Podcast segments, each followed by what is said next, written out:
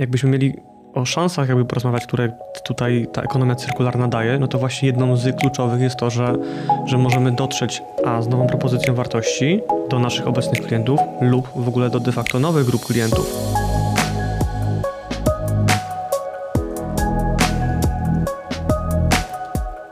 Dzień dobry, witamy w podcaście Circular by Ergo Design, w którym poruszamy sobie wątki związane z projektowaniem zgodnym z zasadami e, gospodarki o obiegu zamkniętym, związanymi z zrównoważoną innowacją i to wszystko omawiamy sobie z punktu widzenia nas, czyli projektantów.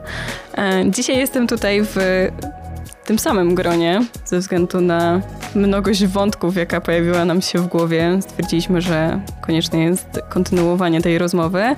Tak więc dzisiaj jest ze mną Katarzyna Śliwa, która jest CEO Ergo Design oraz Krzysztof Bogomaz, który jest Head of Organization Department. Ja natomiast nazywam się Paulina Morawa, a w Ergo Design zajmuję się projektowaniem produktów i usług.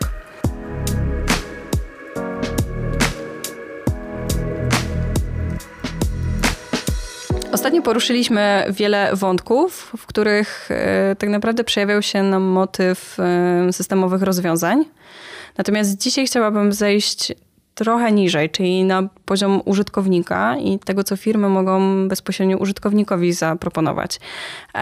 I tutaj chciałabym zacząć naszą dzisiejszą rozmowę od przykładu Philipsa. To już jest dość znany taki przykład. E, nie pamiętam z, z, jakich lat to jest, ale on już kilka ma na koncie. E, natomiast oni wdrożyli typowy model, teraz typowy, czyli dostęp zamiast posiadania, w którym tak naprawdę sprzedają użytkownikowi światło, niekoniecznie produkt, czyli lampę. E, co to oznacza? To oznacza, że Philips e, oferuje swoim klientom e, raz, że audyt przestrzeni, w której dopasowuje konkretne oświetlenie tak, aby zarówno wykorzystać tą, ten naturalny potencjał przestrzeni i naturalne światło, a doświetlić w odpowiednich momentach i w odpowiednich miejscach odpowiednimi produktami. Tak więc jakby mm, w taki bardzo ekonomiczny sposób jesteśmy w stanie wykorzystać wszystkie zasoby, które mamy. Dzięki temu na przykład przy projektowaniu um, oświetlenia dla jednej z hali w Eindhoven um, uzyskali 70% um, takiej ekologicznej efektywności, że tak powiem, zmniejszenia ilości e, światła, jaką trzeba by było wykorzystywać, energii, jaką by trzeba było wykorzystywać do oświetlenia tej przestrzeni, gdyby to nie było dobrze zaprojektowane. Natomiast same produkty są zaprojektowane w bardzo modułowy sposób, który który pozwala Philipsowi na zmianę, upgrade'owanie tych produktów w miarę ich życia i stałą opiekę nad klientem. Więc tu jest taki bardzo fajny wątek zarówno jak opieki, jak i również tej, tego oferowania klientowi tak naprawdę tego, co potrzebuje. No w ciekawy, w ciekawy wątek tutaj jakby uderzyłaś, bo to za, zaczynamy rozmowę o propozycji wartości, tak? tak. Jakby o tym, co za, de facto za co konsument płaci. Dokładnie. I o tym, co e, producent, nie wiem, organizacja jakby oferuje, oferuje. tak? Co jakby o czym w ogóle mówi, mhm. jakim językiem się komunikuje z klientem. No i faktycznie, no czy ja potrzebuję żarówkę, no, no, no jest to jakiś środek, tak? Ja mhm. potrzebuję, żeby było jasno, odpowiednio jasno, tak? Czy to będzie zrealizowane, nie wiem, e, przeprowadzeniem światła dziennego w jakieś głębsze zakamarki pomieszczeń, czy właśnie wykorzystaniem, e, nie wiem, prądu, czy, czy, czy czegoś jakby innego, żeby to światło było, jest wtórne dla, często dla konsumenta, tak? Mhm. Więc to, że, to, że Philips jakby oferuje, to mi się przypomniało od razu, że y, bodajże Rolls-Royce, tak? Mhm. E, też no, już od wielu lat jakby oferuje, y, no, y, znaczy sprzedaje generalnie godziny pracy silnika, tak? W samolotach na przykład, a nie de facto silnik. Mhm. Więc de facto po ich stronie na, na, na, nich ciąży jakby odpowiedzialność za tym, żeby ten silnik działał. Jeśli coś się zepsuje, no to kurczę, szybka podmiana, szybka akcja i jakby ma dalej działać tak, dla klienta. E, I, I mówię, że dlatego jakby też płynnie to, to mi wchodzi jakby w ten element o propozycji wartości, bo wydaje mi się, że jakbyśmy mieli o szansach jakby porozmawiać, które tutaj ta ekonomia cyrkularna daje, no to właśnie jedną z kluczowych jest to, że, że możemy dotrzeć a z nową propozycją wartości do naszych obecnych klientów lub w ogóle do de facto nowych grup klientów, których wcześniej nie obsługiwaliśmy, no bo nie mieliśmy czegoś takiego w swoim e, w swoim portfolio. To myślę, że to jest ten wątek no, no tego, co jest oferowane, tak? I w jakim, to w jakim modelu, czy to jest subskrypcja, czy to jest jakby y, takie nabywanie jednorazowe, jakby jest istotne, aczkolwiek no myślę, że bardziej istotne jest jakby to, co oferujemy. Żeby to nie mhm. sprowadziło się tylko do, do etykietki na zasadzie, nie wiem, eko, czy etykietki na zasadzie, nie wiem, jakaś tam biodegradowalność czy coś. Greenwashing. Green do greenwashingu dokładnie, no to myślę, że tutaj trzeba taką solidniejszą podstawę na poziomie, e, pracę na poziomie modelu biznesowego wykonać. Mhm. Też mieliśmy w jakiejś ostatniej roz, rozmowie naszej, ten wątek się pojawił, że no teraz możemy wejść do sklepu i zobaczyć już coraz więcej produktów na półkach, bardzo tak. green, bardzo zrównoważonych, eko. bardzo zielonych, eko. Biorąc przykład plastikowego, nie wiem, załóżmy kubeczka, który jest e, wykonany z jakichś tam, nie wiem, tworzyw, które się mają rozłożyć w glebie, no jakby to jest super, tylko że nie mamy infrastruktury jeszcze, która jest w stanie to przyjąć. Teraz pytanie, czy ja mam taki kubeczek biodegradowalny wrzucić do kosza bio, czy do kosza z plastikiem? Wrzucę do kosza z plastikiem, on zabrudzi frakcję. Wrzucę do kosza bio, on zabrudzi frakcję. W sensie hmm. infrastruktura, która jest obecnie, nie jest przygotowana w ogóle, jak to rozpoznać, czy to jest kubeczek bio, czy to jest zwykły, nie wiem, jakiś ABS, czy polipropylen. Bardzo dobrym przykładem do tego są zwykłe worki na śmieci, no tak? tak które to... można używać. Czy to są kompostowalne, ale i tak nie możemy ich używać, dlatego że sortownia nie rozpozna, sortownia nie rozpozna no czy to jest faktycznie kompostowalny i uważa to jako odpad, który może gdzieś tam zanieczyścić frakcję, więc... Właśnie Więc... tak, tutaj ta, ta perspektywa e, tego, że łatwo, do, do czego zmierzałem, do tego, że łatwo można jakby grać tym pojęciem właśnie mm -hmm. zrównoważonego rozwoju, czy w naszym przypadku naszej rozmowy ekonomii cyrkularnej, no ale de facto wątek tej systemowości, jakby tego połączenia tego w szerszy system, myślę, że jest tutaj kluczowy, żeby to nie stało się tylko kolejną jakby etykietką, kolejną modą, tak, która zaraz będzie e, no, zanegowana. I też kwestia, żeby nie przestrzelić po prostu rozwiązania mhm. względem tego, co się pojawia na rynku i tego, czy jest do tego infrastruktura. Mhm. To też jest ten aspekt. No, y, wiele rzeczy, jakby jest taka tendencja, żeby to na mm, użytkownika zrzucać odpowiedzialność, że on decyduje i w swojej masie jest w stanie wiele, wiele, wiele wymusić swoimi właśnie oczekiwaniami od, od producentów. I to może jest racja. Na pewno w niektórych branżach tak, tak to tak to się dzieje, no ale tutaj jakby legislacja, która obowiązuje, pewnych rzeczy się nie da rozwiązać systemowo. Zaczęliście mówić o recyklingu. Jakby większość z tego, co wrzucamy, mówię o takich gospodarstwach domowych, no to są odpady bio. Jakby je odłączyć od całej reszty śmieci, no to mamy co najmniej połowę problemu załatwioną większość z tego, co zostaje, Ciekawe. to są opakowania. Wystarczy mhm. je zunifikować, normalizować. E, nie ma tam dziesiątków tworzyw i jeszcze połączeń. Eliminować tam, gdzie się Kilka materiałów, tak. Tak, w ogóle pytanie, czy opakowanie mhm. jest potrzebne. Tak. No przykłady branży kosmetycznej na przykład, gdzie, gdzie właśnie mamy to y, jakby już coraz więcej produktów pojawiających się bez opakowań albo z zredukowanym opakowaniem. Myślę, mhm. że są mhm dowodem na to, że się da. No pewnie nie wszędzie. No. Mhm. no ale przykładem takich y, działań są zamiana kosmetyku, który jest w płynie, czyli zwykłego żelu do mycia na kostkę. Albo na przykład na, na, na podajniki, na dispensery, które mhm. możemy, znaczy na, na, możemy mhm. uzupełniać w jakichś tam punktach, tak? To jest, ale tylko to znowu jakby wchodzimy tutaj w rozmowę o systemie. Tak, że tak, to jakby system tutaj. Tak.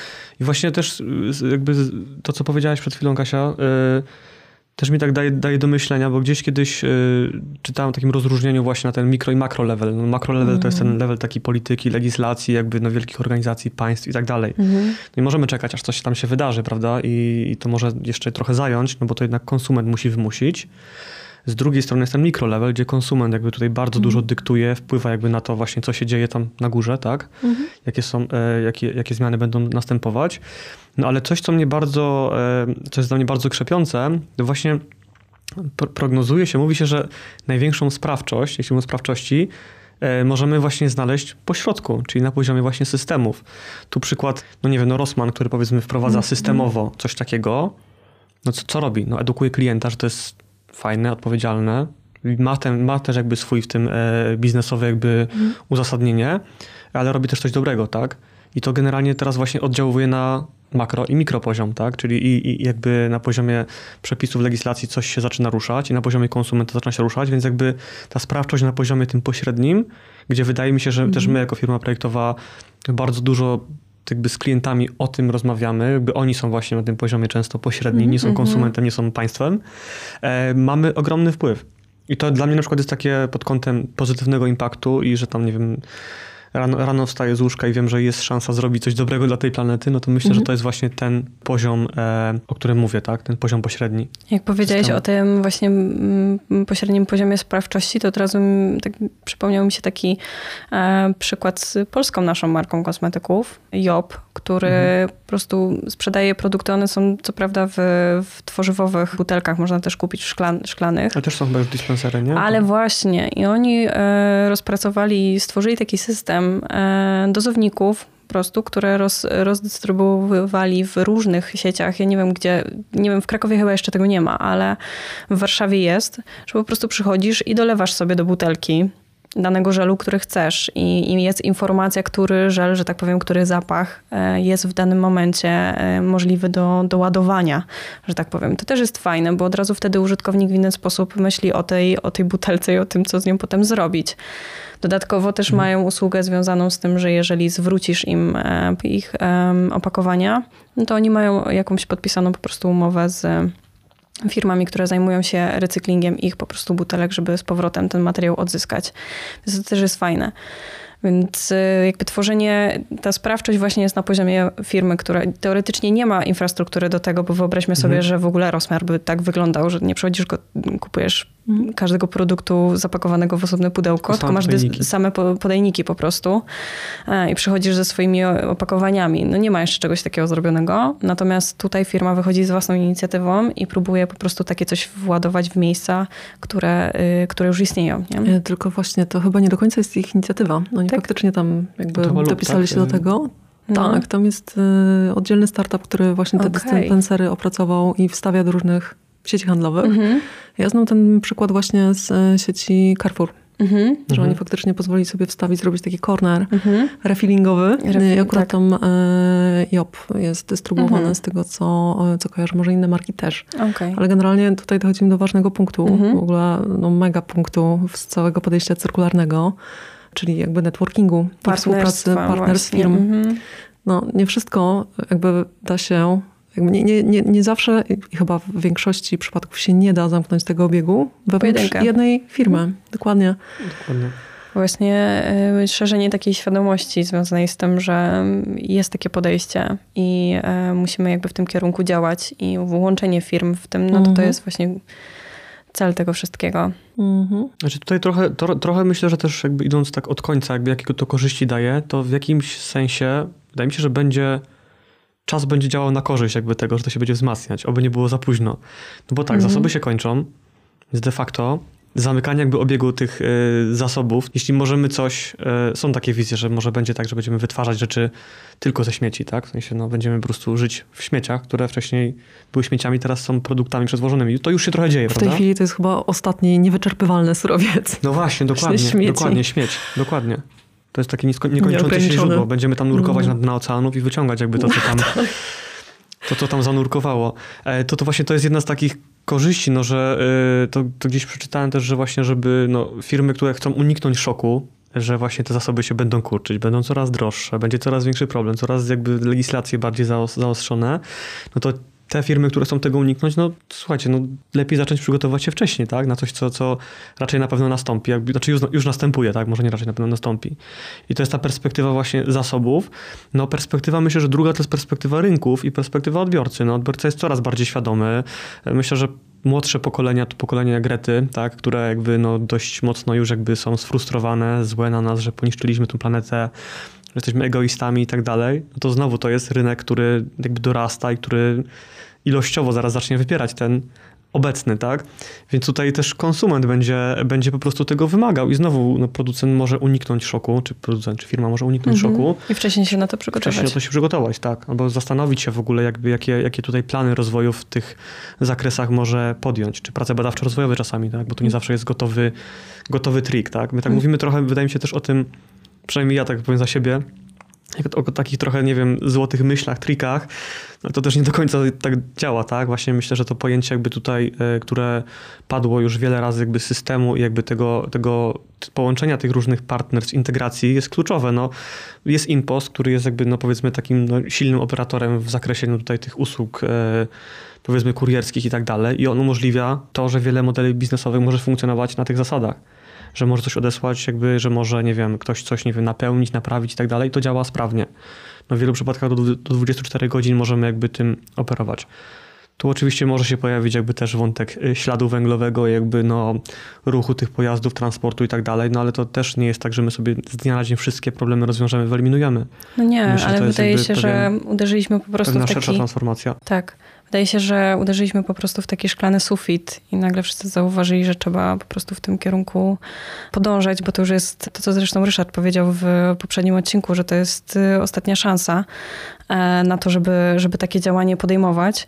A wiemy, że podstawy do gospodarki cyrkularnej to nie jest coś, co zostało wymyślone 10 lat temu, czy 5 lat temu, czy nawet 15 lat temu, bo, bo ten ruch ma podstawy mm, już znacznie wcześniej w starożytnej filozofii, a mhm. jeszcze wcześniej, a później po II wojnie światowej się odrodził i bazował na różnych szkołach myślenia, e, typu cradle to cradle czy performance economy. Historii tu przytaczać może nie będziemy, możemy odesłać do Ellen MacArthur, bo tam jest to bardzo fajnie opisane wszystko, ale po prostu gdzieś te szkoły myślenia, gdzieś to się wszystko cały czas kotłowało, gdzieś ludzie o tym mówili, no ale industrializacja była, więc y, i, i różne inne podejścia i, i, gdzieś nam to uciekło. Natomiast teraz już stwierdziliśmy, że no nie. No właśnie, no tylko to się, ten dzwonek. priorytet się zmienia, myślę, na poziomie... Y, też zawsze się łapię na tym w wielu rozmowach z różnymi osobami, że y, mamy tą perspektywę jakby my, ale to jest perspektywa my w środowisku, tak? Nie wiem, jakby rozmawiamy z, z producentami bardziej świadomymi, czy nie wiem, w środowisku swoim, to, to jak najbardziej tak. To, to my mhm. widzimy, że właśnie ten pociąg odjeżdża, trzeba wskakiwać.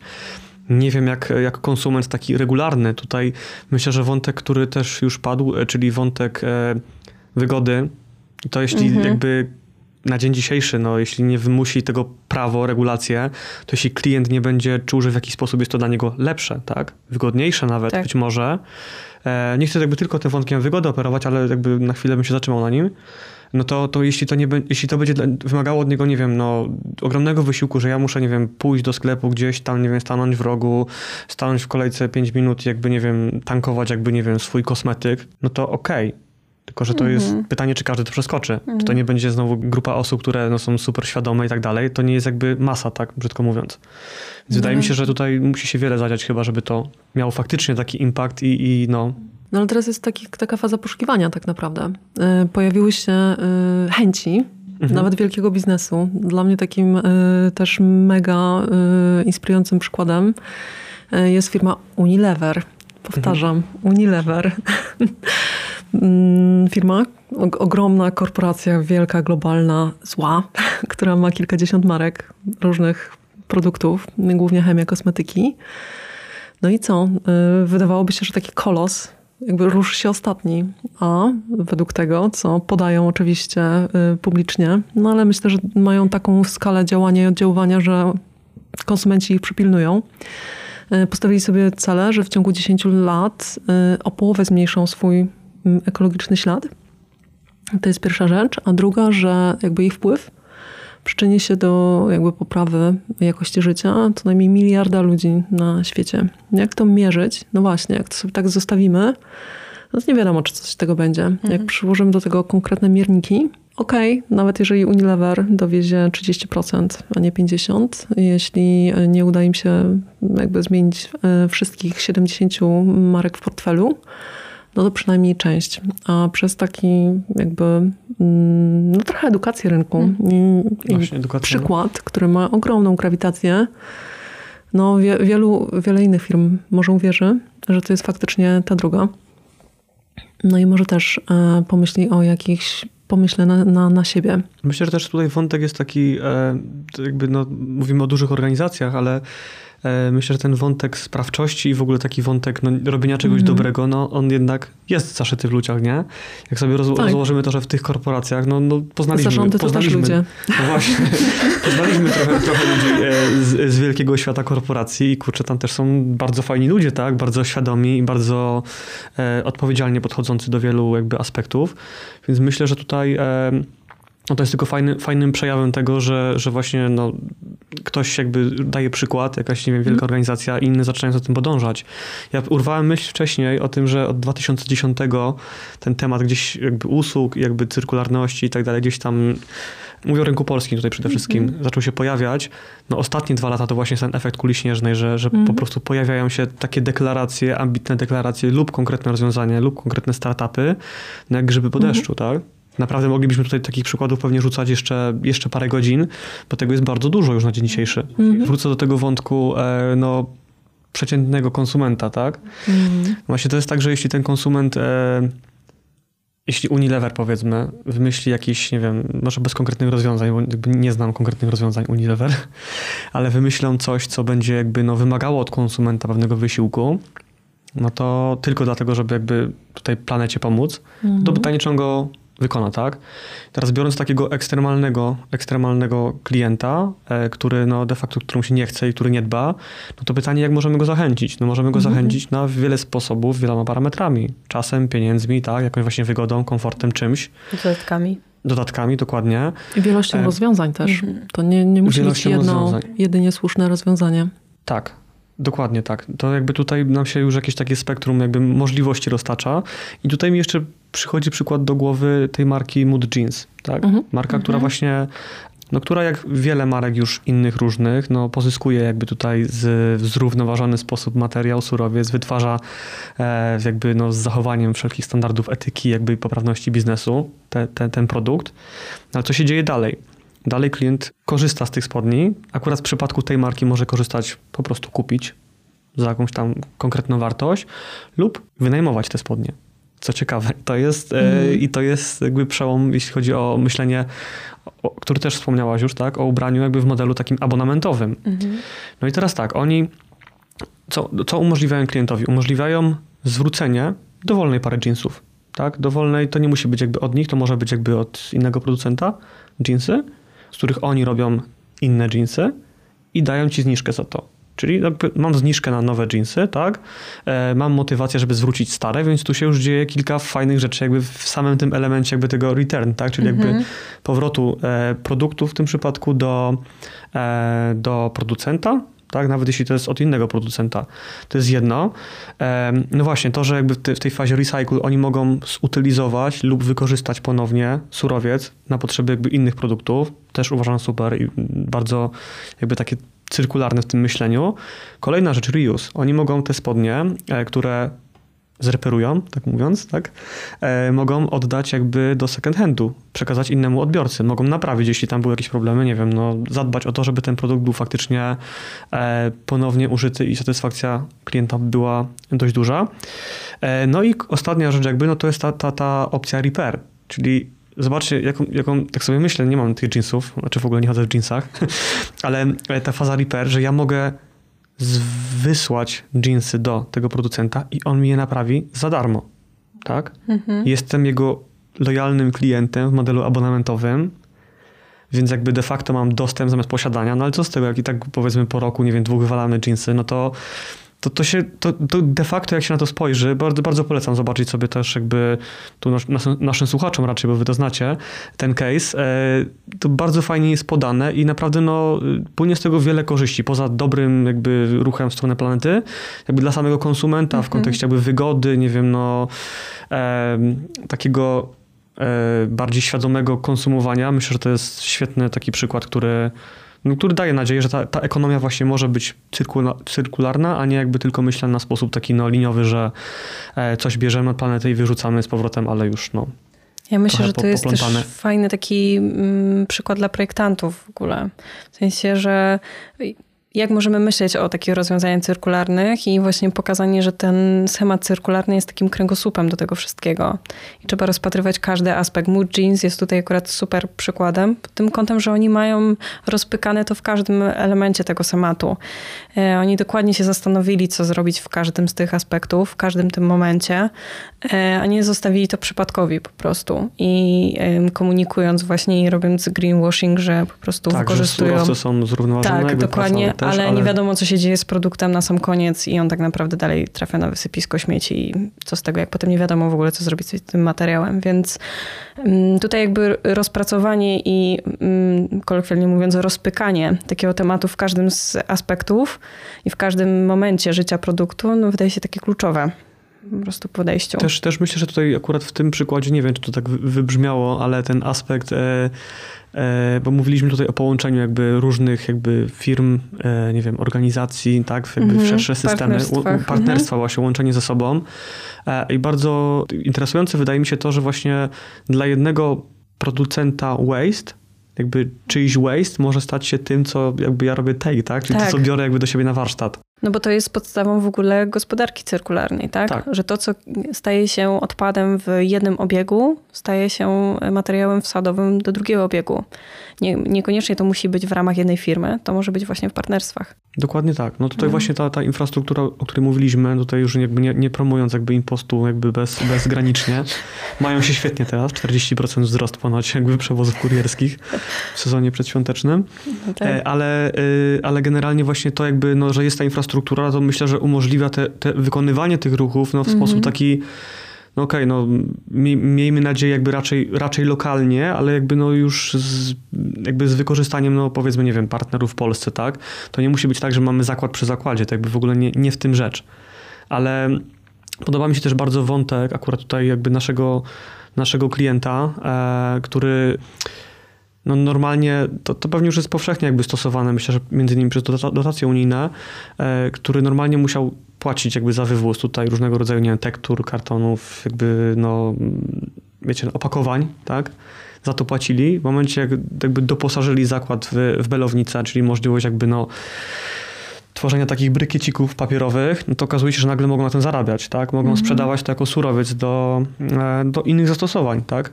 I myślę, że też w ten sposób myślenie, że no różnego rodzaju e, surowce, które w naszym zakładzie są odpadami, skrawkami, śmieciami, nie wiem, jakimiś efektami ubocznymi produkcji czy coś, mogą stanowić dla kogoś wartość. I nawet mm -hmm. samo zadanie sobie tego pytania, no już może być znowu eliminacją jakby czegoś, za co nie wiem, płacimy, przekucia tego na, na korzyść biznesową, tak?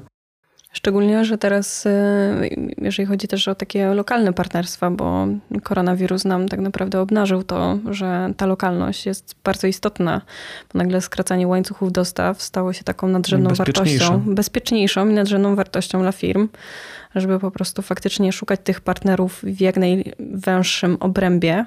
Żeby znaczy, co najmniej co, mieć taką drugą nogę, tak? Naj, tak, żeby dokładnie, żeby mieć jakby co drugą odnogę, żeby jakby co wiedzieć, jak zareagować.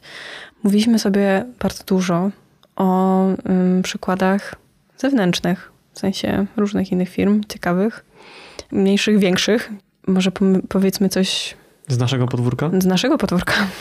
Ja myślę, że to jest. Naszego podwórka projektowego. E, myślę, że tutaj jakby trudność jest o tyle jakby duża, że tak, no jakby ta cyrkularność to nie jest coś, co jakby od 10 lat jakby tutaj jest w naszym DNA wpisane, wdrukowane tak bez reszty, więc e, myślę, że wiele tematów, o których byśmy bardzo chętnie teraz chcieli powiedzieć, one są w fazach albo projektowych, albo wdrożeniowych. Rozwoju. Więc to tak. u pewnych jest jakby za wcześnie jeszcze, żeby, żeby mówić, ale mogę podać taki przykład, który, e, który no, producent kamperów, z którym teraz współpracujemy, e, polski producent kamperów, e, no pracując z nimi nad nowym modelem kampera, no, staramy się myśleć o tym w ten sposób, znaczy myśleliśmy w ten sposób, żeby e, po pierwsze właśnie wykorzystać te silne strony właśnie e, myślenia cyrkularnego, tego schematu cyrkularnego, na przykład w postaci tego, że klient może mieć taki second hand, jakby tutaj rynek wtórny pojazdów używanych, no to to jest coś, co, co już się dzieje, po prostu e, de facto mogą to wzmocnić. Ale to, co by stanowiło wartość dla użytkownika i nawet dla tego użytkownika na drugim rynku, to jest opcja refurbishment, tak? Mhm. Czyli to, mhm. że na etapie projektowania ten kamper jest pomyślany w taki sposób, że producent jest w stanie w prosty sposób, bez prucia wszystkiego, jakby całej, całej paki, jest w stanie wymienić te elementy, no właśnie, bardziej higieniczne na przykład, tak? Te, gdzie są, nie wiem, tapicerowane, te, gdzie ktoś, nie wiem, będzie opierał głowę, te, które jakby no kojarzą nam się z jakimiś takimi aspektami nie wiem, higieny, e, komfortu użytkowania takiego ogólnie, tak? Mhm. Więc, e, więc jakby na etapie projektowania myśleliśmy w ten sposób, że, żeby dało się te elementy wymienić, żeby właśnie te elementy można było personalizować, jakby zmienić jakby charakter wnętrza, ale zostawiając jakby tą generyczną bazę w możliwie dużym stopniu. No i to sprawia to, że jeśli przychodzi inny klient, który ma nieco inny gust, on może te elementy wymienić, tapicerowane, w prosty, producent w prosty sposób może je wymienić, no i stanowi to e, na kilku poziomach wartość dla tego klienta. To jest jeden przykład. Drugi przykład jest taki i on jest jakby dużo trudniejszy e, do osiągnięcia przez właśnie, no, nie chcę mówić brak jakby tutaj infrastruktury, ale raczej brak właśnie jeszcze takich solidnych partnerów, którzy byliby mhm. w stanie to wesprzeć. Czyli na przykład, no, prosty przykład w wielu branżach, że nie kleimy, tylko na przykład robimy montaż taki no, bez kleju, tak, żeby mhm. dało się to potem rozebrać, tak wymienić moduły, na przykład na zatrzaski, mhm. może na jakieś, nie wiem, elementy E, nie wiem, typu, typu właśnie inne, inne typy łączenia, e, no ale w taki sposób, żeby no nie było to, nie stanowiło to wszystko takiej monobryły, tak? Mhm. Ty też podałaś przykład butów dzisiaj, tak. gdzie no okej, okay, no mogą być super nie, eko buty, no ale co z tego, jak są klejone, więc jakby no de facto potem nie ma jak w procesie, nie wiem, utylizacji gdzieś tego rozłożyć na te komponenty pierwotne. Dokładnie no I tu, tak. myślę, tu mówiąc o tym kamperze, właśnie mam, mam, na myśli to, że na etapie projektowania możemy dostrzegać te elementy e, samego jakby tutaj modelu e, cyrkularnego, które możemy wykorzystać, tak? Na poziomie właśnie projektowania, na poziomie doboru materiałów. E, możemy o tym myśleć szerzej, to też jest e, jakby temat w grze, żeby zastanowić się w jaki sposób taki camper mógłby jakby znowu być konsumowany w trybie abonamentu. Mhm. No to z kolei wymaga partnerów finansowych dla, tak. dla klienta, tak? Który, którzy będą w stanie jakby zabezpieczyć jakby ten, ten bufor finansowy. Więc tutaj, tutaj myślę, że właśnie kluczowe jest to, żeby jakby ten, ten, ten system jakby wokół tego produktu, czy wokół tej, tej organizacji namierzyć i jakby o tym, o tym właśnie rozmawiać y, i jakby tu podejmować konkretne decyzje biznesowe i projektowe. Zadając to pytanie, to tak miałam nadzieję właśnie, że nawiążesz do konkretnie tego przykładu, bo konkretnie o to mi chodziło. Tak naprawdę ten przykład pokazuje, że jakby to nie musi być totalna rewolucja w firmie, mhm. tak, żeby e, w każdym obszarze firmy, żeby wprowadzić takie cyrkularne rozwiązanie i to jest coś, o czym też mówiliśmy w ostatnim podcaście, mhm. że um, możemy tak naprawdę dozować tą wiedzę i, i, te rozwiązania w zależności od tego, na ile jest firma przygotowana, infrastruktura jest przygotowana, systemy są przygotowane, no i użytkownik jest przygotowany. No w sumie to... chyba mamy takie dwa systemy działania. E, pierwszy mhm. to jest faktycznie, można do nas przyjść, poprosić nas o cyrkularną strategię rozwoju, albo cyrkularną transformację całej organizacji, albo jeszcze coś e, tego pokroju, ale tak naprawdę przychodząc do nas, odkąd my postanowiliśmy już e, totalnie stosować zasady właśnie cyrkularności, skorzystać z dobrych praktyk projektowych, mhm. które my już mamy. I nie trzeba u nas zlecać cyrkularnego produktu. Siadając do zadania, e, robiąc brief wraz z klientem, jakby zadamy te pytania, żeby wiedzieć, czy tu jest szansa i w jakich obszarach, e, żeby ten produkt był bardziej cyrkularny. Jakby mhm. mając świadomość, teraz projektant, mając świadomość o tym, że czarne tworzywo jest trudno segregowalne i nie poddaje się recyklingowi, jakby no, nie ma takiej możliwości, żebyśmy siedli i jakby z całą tutaj e, no, e, świadomością tego faktu e, no takie zarekomendowali. Więc jakby to już się przejawia chyba tak no instynktownie i organicznie, organicznie tak. na poziomie projektów. Mhm. Tak. Ale też, też na poziomie, widzisz, no ciekawe, tutaj wątek wyciągnęłaś jakby tego no, cyrkularnej strategii. Mhm. Tak sobie mhm. myślę, że tak no, cofając się tam w czasie, no to można myśleć o takiej, tak liniowo, myśleć o takiej cyrkularnej strategii, czy inaczej, o strategii, o planowaniu portfolio w taki sposób, że mamy produkt A, za pół roku mamy produkt B mhm. i tak dalej, tak? Po prostu przyrastają kolejne produkty. A teraz jeśli pomyślimy jakby tutaj, dlatego ten wątek kamperów, tak? Mhm. Y przywołałem, że jeśli myślimy o tym w kontekście planowania rozwoju, w taki mhm. sposób właśnie bardziej cyrkularny, no to możemy myśleć, że to AB to są jakby kolejne fazy rozwoju albo sprawiania, że ten produkt będzie bardziej cyrkularny, czyli jakby kolejne generacje tego samego produktu być może, tak? Że nie jest tak, że rewolucyjnie nagle wymieniamy wszystko, jakby cały paradygmat, mhm. model biznesowy, sposób płatności, nie wiem, plastiki, nie wiem, maszyny do produkcji, tylko właśnie są to pewnego rodzaju jakby takie fazy wdrażania tej zmiany, fazy transformacji cyrkularnej. No właśnie chyba ciekawe jest to rozróżnienie pomiędzy strategią wzorniczą, strategią rozwoju versus cyrkularną strategią wzorniczą, czy cyrkularną strategią rozwoju. Wydaje się, że to jest jedno słowo dorzucone, które może zmienia. No właśnie zmienia, zmienia to myślenie o tym, tak. nie? Jakby e, Bo taka konwencjonalna strategia rozwoju to faktycznie klient sobie stawia pewne cele, no takie że tak powiem, to jest taki świat e, klientocentryczny. On w mhm. centrum, mhm. reszta świata się wokół niego kręci. No i próbuje zrealizować poprzez e, możliwości rynkowe, grupy klientów, którzy, których zidentyfikuje jako potencjalnych nabywców, no i całą resztę zasobów tego świata, no właśnie te swoje partykularne cele. Cyrkularna strategia no, burzy ten klientocentryzm. Tak naprawdę no, firma może mieć jakieś swoje cele, ale tak naprawdę musi wpleść w nie cele swoich klientów cele swojego otoczenia, partnerów. Jakby to jest gra zespołowa. Mhm. I zrealizować korzyści, nie tylko swoje przy okazji. No ale skala tych korzyści no, będzie taka, że naprawdę się to wszystkim opłaca. No i to jest ten taki cyrkularny cud, że tak naprawdę to się e, mnoży, e, te korzyści e, jakoś wykładniczo bardziej niż tradycyjnie, więc jakby tutaj to rozróżnienie jest dużo więcej beneficjentów i dużo więcej jakby czynników do uwzględnienia, żeby zarekomendować jakieś, mm, jakieś nowe produkty czy jakiś rozwój, rozwój firmy w dłuższej perspektywie. Ostatnio w innym kontekście wprawdzie rzuciłaś e, mhm. stwierdzenie o mądrości roju.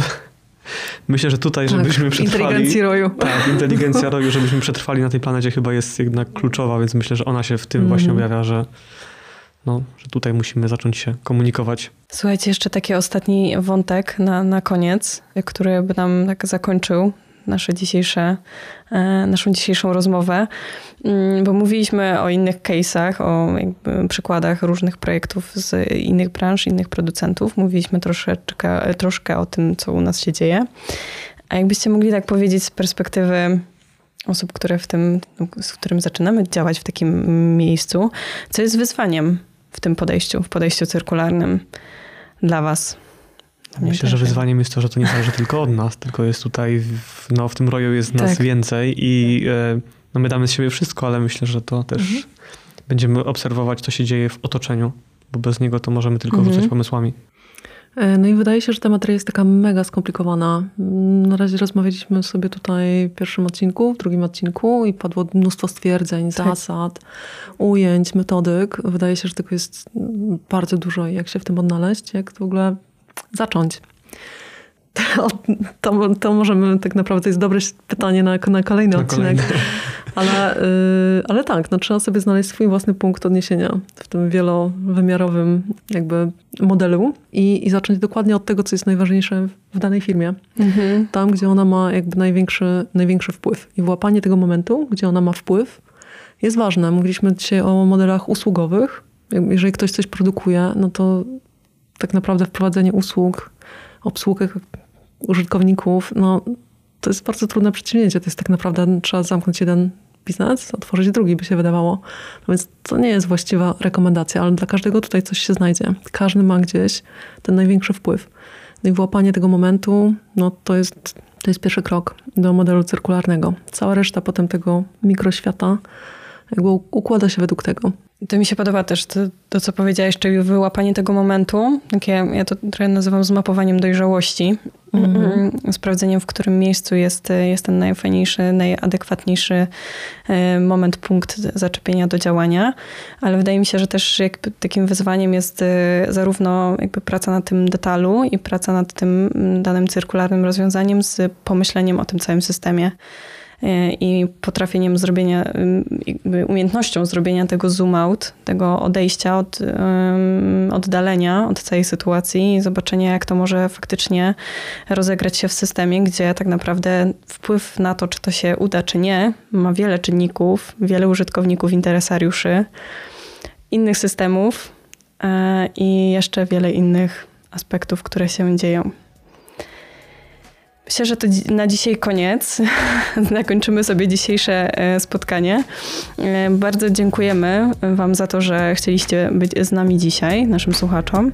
E, I zapraszamy do śledzenia naszego podcastu i zapraszamy na kolejne odcinki. Dzięki, Dzięki za uwagę. bardzo. Dzięki wielkie. Do usłyszenia. Hej.